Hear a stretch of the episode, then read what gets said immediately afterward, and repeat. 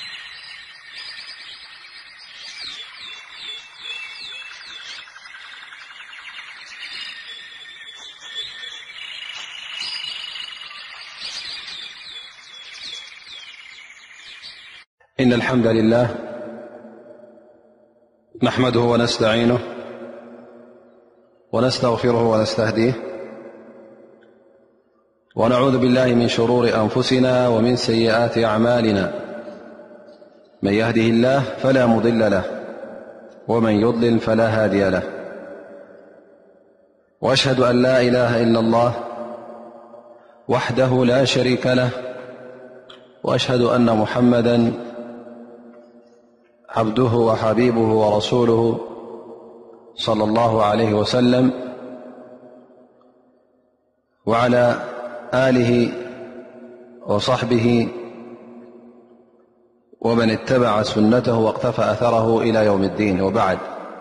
خبركم أحوت خبركن أحت كلخم سمعتنا السلام عليكم ورحمة الله وبركاته نا لميسمناوي درسنا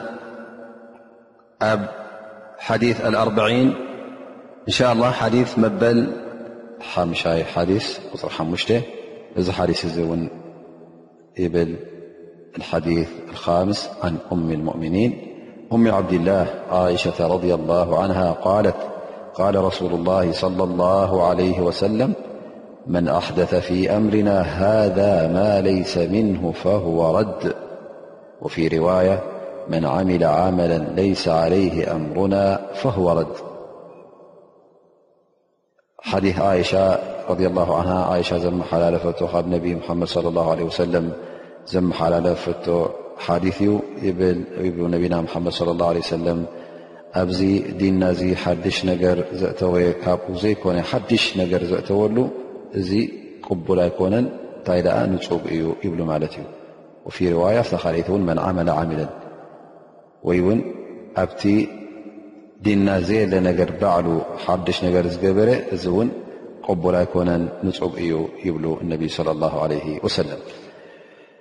እዚ حدث الإمام الحافظ بن حجر يبل هذا الحديث معدود من أصول الإسلام وقاعدة من قواعد الدين እዚ ሓሊስ እዚ ካብቲ ቀንዲታት ስልምናን ካብቲ ሓደ መሰረት ካብ መሰረታት ዲን ኣልእስላም እዩ ይብል ማለት እዩ ስለዚ እዚ ሓዲስ እዚ ኣፅኒዕና ክንሕዞ ኣለና ምኽንያቱ ንብዙሕ ሙንከራት ክንገጥመሉ ስለ ንኽእል ከነፅንዖ ይገብኣና ማለት እዩ ምኽንያቱ እማም ጠርቂ እንታይ ኢሉ የስልሕ ኣን ይሰማ ንስፍ ኣድለት ሸርዕ እዚ ሓዲስ እዚ ፍርቂ ካብቲ ናይ ሸርዒ መርትዖታት ክፅብፀብ ይከኣል እዩ ይብል ማለት እዩ። ምክንያቱ እተ ኣብ ዝኾነ ይኹን ኣብዚ ሸርዕና ንገዛእ ርእሱ እንታይ እዩ ዘሎ ወይ ንሓደ ነገር ከተፅድቆ ወይ ከዓ ክትነፅጎ እዩ። እዚ ሓዲስ እዚ ከዓ ኣብ ምንጻግን ኣብ ምጽባቕን ናይ ሸርዒ ኢኻ ኣብ ክልቲኡ ክትጥቀመሉ ትኽእል ኢኻ። እዚ ሓዲስ እዚ ቀዳማይ ነጥቢ ወይ ከዓ ሓፈሻዊ ነጥቢ ሒዝዎ ዘሎ እንታይ ማለት እዩ? ኣብዚ ዲንሲ ኣብቲ ዲን እስልምና ሕደሳ ዘእተወ ሓድሽ ነገር ሽርዒ እዩ ኣጅሪ ኣለዎ እዩ ኢሉ ባዕሉ ዘእተወ እሞ ኸዓ እዚ ዝዛረቦ ዘሎ እዚ ዘእትዎ ዘሎ ምንም ካብቲ ዲን ኣልእስላም መርትዖ ዘይብሉ ካብ ክታብ ይኹን ካብ ሱና ነቢ ምስኡ ዝተኣሳስር ንዕኡ ዝድግፍ ነዚ ነገር እዚ እንተ ዘየለ ኮይኑ እዚ ተግባር እዚ ፍፁም ቅቡል ኣይኮነን። እቲ ነዚ ነገር እዚ ዝፍፅም እውን ቅቡል ኣይኮነን። እቲ ተግባር ቅቡል ኣይኮነን፣ እቲ ዝገብር ዘሎ እውን ቅቡል ኣይኮነን። ምክንያቱ ላ ኣብ ዲን ላ ኣዱንያ እውን ክጠቕመካ ስለ ዘይክእል እቲ ኣላ ስብሓን ወተላ ዝሸረዖ ነቢና ሓመድ ስ ሰለም ዝነገሩና ንሱ እዩ እቲ ዲን ዳኣ እምበር ባዕልኻ ዲን ክትምህዝ ፍፁም ኣይፍቀደካን እዩ ዘይናቱ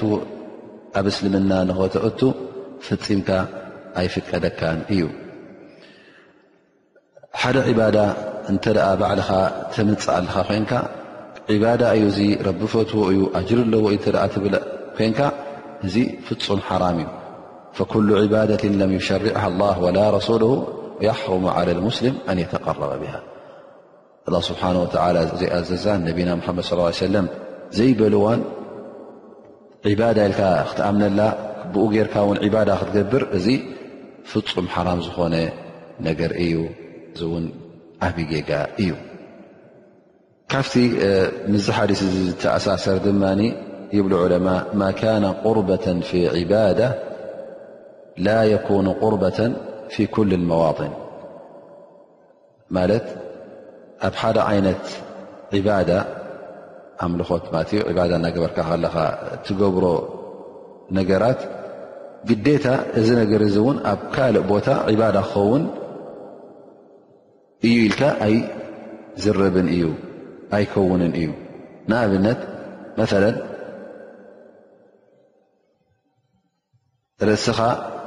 ዘይምኽዳን፣ ከሽፍ ኣልራእስ፣ ርእስኻ ኩፍየት ይኹን ቆቢዕ ይኹን ዝኾነ መሸፈኒ እንተ ዘይምግባር፣ እዚ ሕጂ ኣብ ሓጅ ይኹን ኣብ ዑምራ ይኹን እሕራም ክትገብር ከለኻ እዚ ሕጂ ኣጅሪ ኣለዎ ቁርባ እዩ ተኣዚዝካ ኢኻ።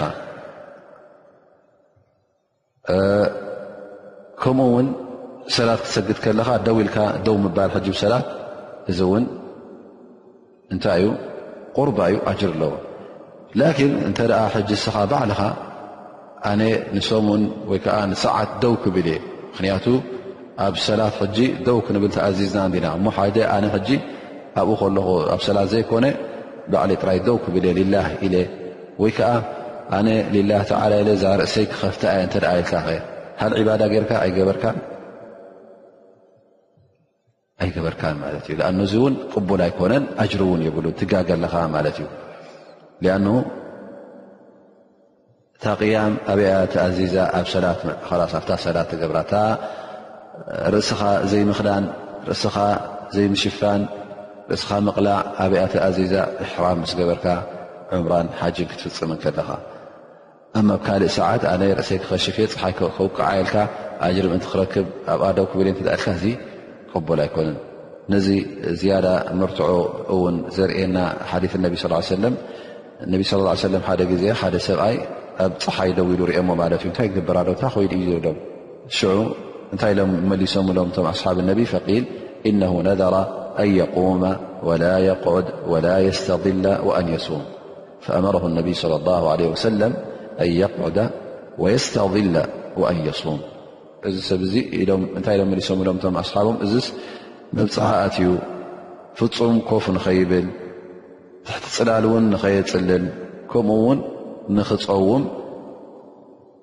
መብፅዓ ስለ ዝኣተወ እዩ ከምዚ ገይሩ ዘሎ ኢሎሞ ፈ ነቢ ስለ ላ ሰለም እንታይ ኢሎም እዚ ሰብ እዚ እጋገሎ ኪዱ ኮፍ በል በልዎ ኣፅልል በልዎ ግን እታ ስያም ናቱ ይቐፅላ እንታይ ዝርእና ሕጂ እነቢ ስ ሰለም እታ ፆም ኣብ ሸርዒ እስልምና ዘላ ግን ካብ ፀሓይ ምውቃዕ ወይ ከዓ ደው ምባል ኣብ ሓደ ቦታ እዚ እዙዝ ኣይኮነን ሕደሳ እዩ ዝበሃል ቅቡል እውን ኣይኮነን ኣብ ሸርዒ እስልምና ኣሎ ድማ ገለ ሰባት ሕደሳ ዘእትዉ ኣብቲ ሸርዒ ኣብ ዲን እቲ ዘእትውዎ ድማ ኣብ ካል ዕባዳ ዝርከብ ኣይኮነን እንታይ ደኣ ፍፁም ካብ ዕባዳ ወፃኢ ዝኾነ ተራእዩ ዘይፈልጥ ኣብቲ ሸርዒ እስልምና ማለት ወይ ከም ሙንከር እውን ይኸውን ኣላ ስብሓን ወተላ ወይ ነቢ ስ ሰለም ዝኸልከልዎ ይኸውን ሕጂ እሶም ከም ብሓድሽ ከም ኣብ ሸርዒ ዘሎ ከም ኣጅሪ ዘለዎ ገይሮም የቕርብዎ ማለት እዩ እሱ ከዓ ከም ምንታይ ኢሎም ይምፁ ከምዚ መላሂ ማለት ሙዚቃን ከበሮን ጌይርካ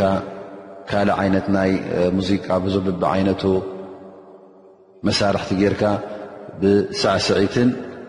ብካልእ ተግባራትን ዒባዳ ኢልካ ነዚ ነገር እዚ ክትፍፅም ከለኻ እዚ ሕጂ ዝበኣሰ ይኸውን ማለት እዩ ክልተ ነገራት ብሓደ ማለት ክልተ ነገራት ኣላ ስብሓን ወተዓላ ዘይፈትወን ጌርካ ማለት እዩ ቀዳማይ ነገር እቲ ትገብሮ ዘለኻ ሙሓረም እዩ ሳዕስዒት ኮይኑ ወይ ከዓ ናይ ሙዚቃ መሳርሒ ተጠቒምካ ደርፍን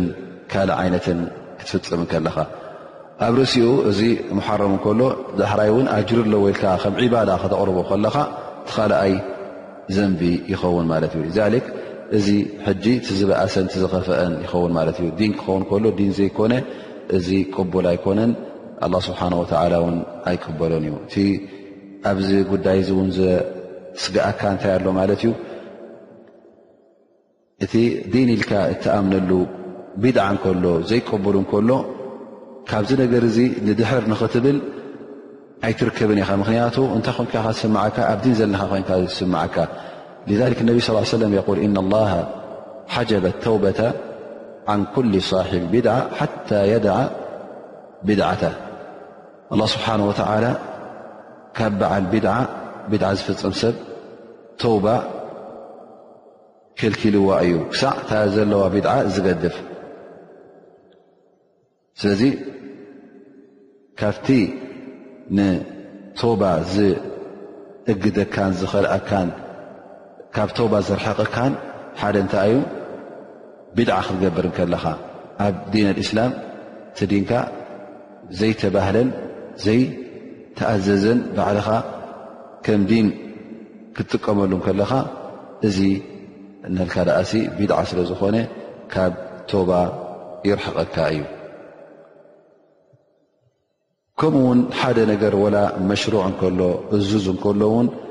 ከምኡ ተመሳሳሊ ክትውስኸሉ እውን ኣይፍቀደካን እዩ ኣዝያዳ ዓለ ዓመል መሽሩዕ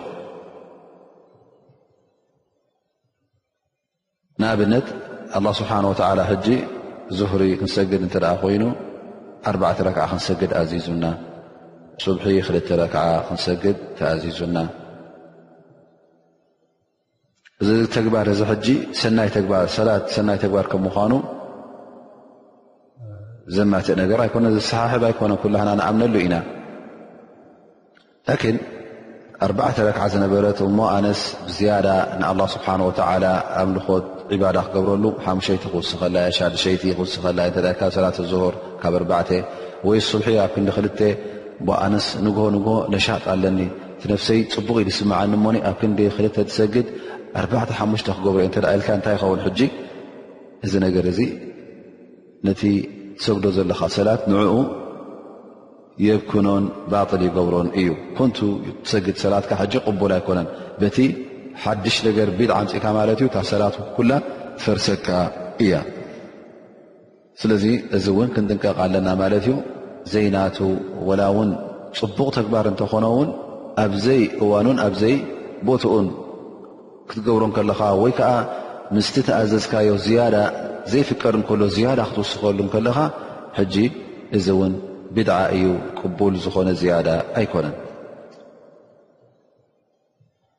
ጠብ እንተ ሓደ ሰብ ድማ እቲ ተኣዘዞ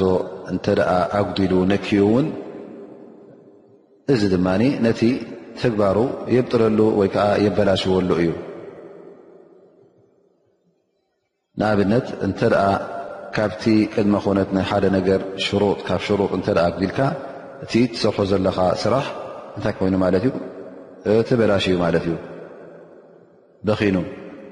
ንኣብነት ሓደ ሰብ ክሰግድ እተ ኮይኑ ካብቲ ሽሩጥ ሰላት እንታይ እዩ እጠሃራ ክሰግድ እተ ኮይንካ ጠሃር ክትከውን ኣለካ ፅሩይ ውድኡ ዝገበርካ ክትከውን ኣለካ ማለት እዩ እንተ ነዘየማልእካ እንታይ ትኸውን እታ ሰላትካ ትበጥል ወይ ከዓ ትበላሾ ማለት እዩ ወይ እውን እንተ ከም ግቡእ እቲ ሩክን ወይ ከዓ ሓደ ካብቲ ቀንድታት ናይቲ ተግባር እተ ገዲፍካ ካብቲ መእዝን ካብ ዓንድታት ናይ ተግባር ሕጂ ኣብ ሰላት እተ ርእና ኣርካን ሰላት ዝበሃል ኣሎ ማለት እዩ ሰላት ስጁድ ርኩዕ ክትሰጅድ ክትረክ ኣልሓምዱ ክትቀርእ ዝኩሉ እንታይ እዩ ሩክን ምን ኣርካን ሰላት ሓደ መእዝን ካብወይዓ ዓንዲ ካብቲ ዓንድታት ናይ ሰላት እዩ እንተ ሓንቲ ገዲፍካ እታ ትገብራ ዘለኻ ተግባር በጢላ ወይ ከዓ ተበላሽያ ማለት እዩ ኣሎ ድማ ገለገለ እንተ ገዲፍካዮ እቲ ሰላት ወይ ከዓ እቲ ተግባር ኩሉ ኣይበጥልን ኣይበላሸን እዩ ግን ተኣጅርናት ውን ይጎድለካ ንኣብነት ሕጂ ሰላት ጀማዓ እተ ኣብ መስጊድ ዘይሰገድካያ ምስቶም ጀማዓ ግን እታ ሰላት ኣብ ገዛኻ እተ ሰጊድካያ እታ ሰላትካ ባጥልያ ኣይትበሃልን እያ ምዓ ንስኻ ሕጂ ሓደ ዓቢ ነገር ኢኻ ገዲፍካ ዘለኻ እቲ ሰላት ጀማዓ ዋጅብ ዝኾነ ላኪን እታ ሰላትካ ከምኣ ኢላ ኣላ ግን እቲ ኣጅሪ ይጎድለካ ማለት እዩ ዘንቢ ናይ ተርክል ጀማ ጀማ ናይ ዝገደፍካ ውን ገበን ይፅሓፈካ ማለት እዩ ጠብዓን እዚ ኣብቲ ናይ ዒባዳ ዝኾነ ፅሩይ ዒባዳ ማለት ኩሉ ንሊላህ ኢልካ እትገብሮ ተግባር እዩ ጠብዓ ኣብ እስልምና እንታይ ኣሎ ዒባዳት ዝበሃል ኣሎ ሙዓመላት ዝበሃል ኣሎ ሙዓመላት ማለት ከዓ ኣብ መንጎኻን ኣብ መንጎ ሰባት ዝርከብ ርክባት ማለት እዩ ናይ ሸቐጥ ናይ ምግዛእ ምልዋጥ እዚታት ሕጂ ጠብዓ ሓል ኣብኡኸ ይኽልከል ድዩ ሓድሽ ነገር ምእታው ወይስ ግዴታ ከምቲ ግዜ ነቢ ሙሓመድ صለ ላه ሰለም ዝነበረ ጥራይ ዩ ክኸውን የቁል ዑለማ እ ኣልኣስል ፊ ሙዓመላት ኣልሕል እዚ ሙዓመላት ዝበሃል ኣብ መንጎ ሰብ ዘሎ ርክባት እዚ ብቐንዱ ኩሉ ክፉት እዩ ሓላል እዩ ዝኾነት ትኹን ሙዓመላ ኣልኣሰል ፊሃ ሓላል እቲ ሓራም እዩ ዝብለካ ንሱ ዩ ደሊል ከምፅእ ዘለዎ ላኪን ኣሎ ድማ ክንርድኦ ዘለና ኣብ እስልምና ኣብ ሸርዒ እስልምና ኮንትራት ይኹን ወይ ከዓ ስምምዓት ውዕላት ናይ መሸጣን ናይ ምሻጥን ናይ ምልዋጥን ኣላ ስብሓን ወተላ ይኹን ኣብ ቁርን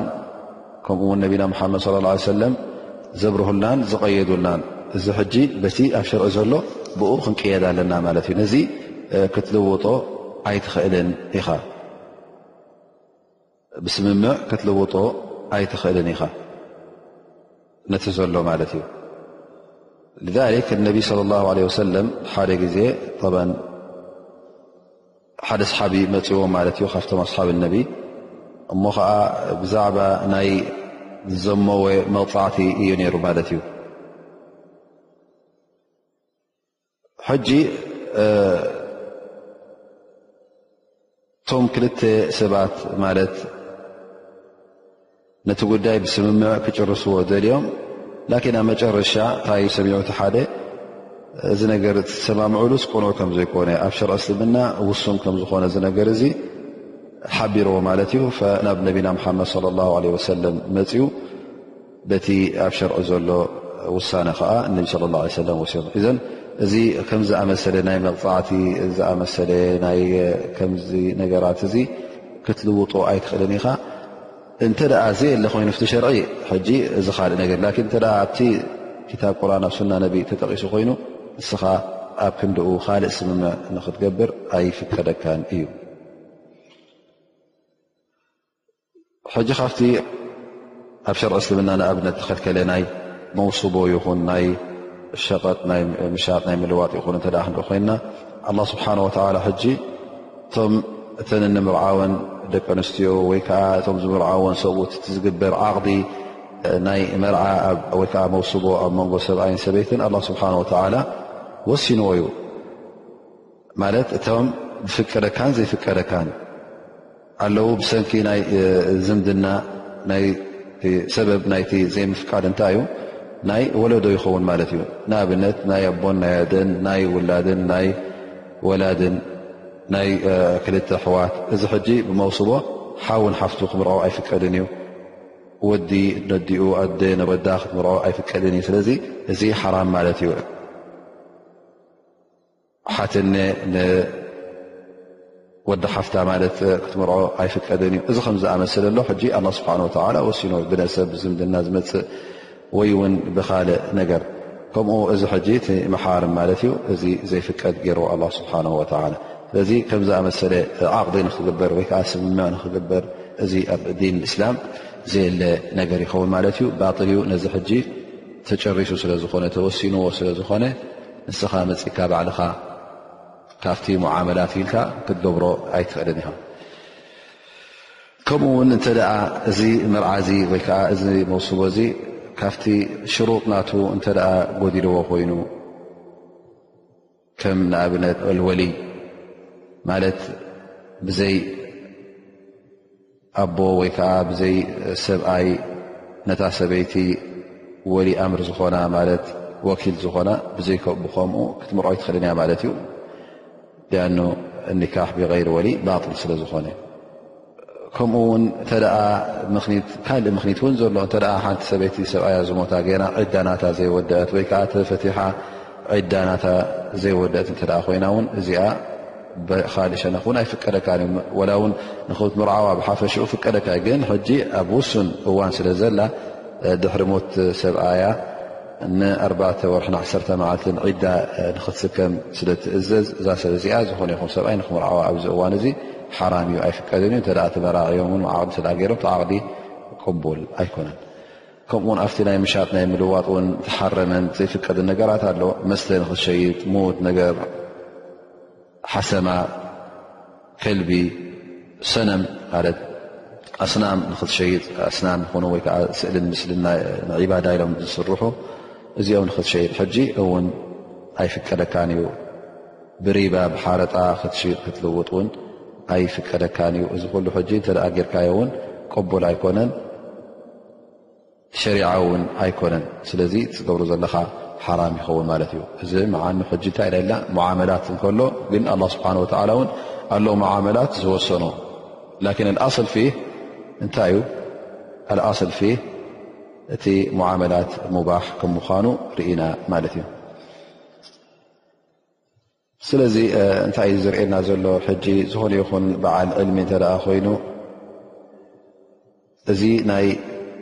ሙዓመላት ዝበሃል እቲ ኣብ መንጎኻ ናብ መንጎ ከማኻ ሰብን ዝርክ ናይ ርክባት ናይ ምሻጥን ናይ ምልዋጥን ናይ ምውሳብን ዝኮሉ ነገራት ሲ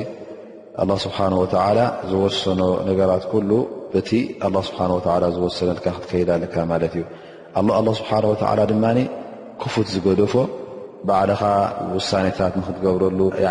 ከም ስምምዓትካ ንክትገብረሉ ዝፈነዎ እውን ኣላ ስብሓን ወተዓላ ኣሎ ማለት እዩ ላኪን ኣልኣስል ማለት ብቐንዱ ብኩሉ እቲ ናይ ሙዓመላት ኣላ ስብሓን ወተዓላ ኣልኣስል ፊ ኣልኢባሓ ገይርዎ ማለት እዩ እቲ ነገር ፍንው ገይርዎ ተን ውሱናት ኣላ ስብሓን ወተዓላ ሓላልን ሓራምን እዩ ዝወሰነልና ብናይ ሙዓመላት ኣብ ናይ ርክባት ሰብ ሰን ውሑዳት እየን ላኪን መብዝሕቱ እቲ ጉዳይ ክፉት እዩ ማለት እዩ እዚ ሓዲስ እዚ እውን እታይ ንወስደሉ እዚ ዲን እዚ እዚ ዲን እስልምናስ ብቐንዱ ሙሉእ ዘይጉዱል ከም ምዃኑ ወየቁል ስብሓን ወተላ ኣልየውመ ኣክመልቱ ለኩም ዲነኩም ወኣትመምቱ ዓለይኩም ኒዕመቲ ወረዲቱ ለኩም ልእስላመ ዲና እዘ እዚ እስልምና እዚ ሙሉእ ዘይጉዱል እዩ ካባና ሓድሽ ምህዞ ኣየድልዮን እዩ እቲ ዕባዳ ኩሉ ከመይ ጌርና ንጎይታ ንኣላ ስብሓን ወተላ ከም እንግዝኦ ከመይ ጌርና እቲ ዕባዳና እቲ ኣምልኾትና ንፍፅም ኣላ ስብሓን ወተላ ከምኡውን ነቢና ሙሓመድ ለ ላ ለ ወሰለም ኩሉ ተንቲኖም ኣብሪሆምልና እዮም ስለዚ ባዕልና እንውስኮ ነገር የለን ሕና እቲ ተኣዘዝናዮ ጥራይ ኣብ ግብሪ ከነውዕል ንዑ ንክንፍፅም ጥራይ ዘለና ድኣ እምበር ባዕልና ሕደሳ ነገር ከነእቱ ኣይፍቀደናን እዩ እቲ ዲና ምሉእ ዘይጉዱል ስለ ዝኾነ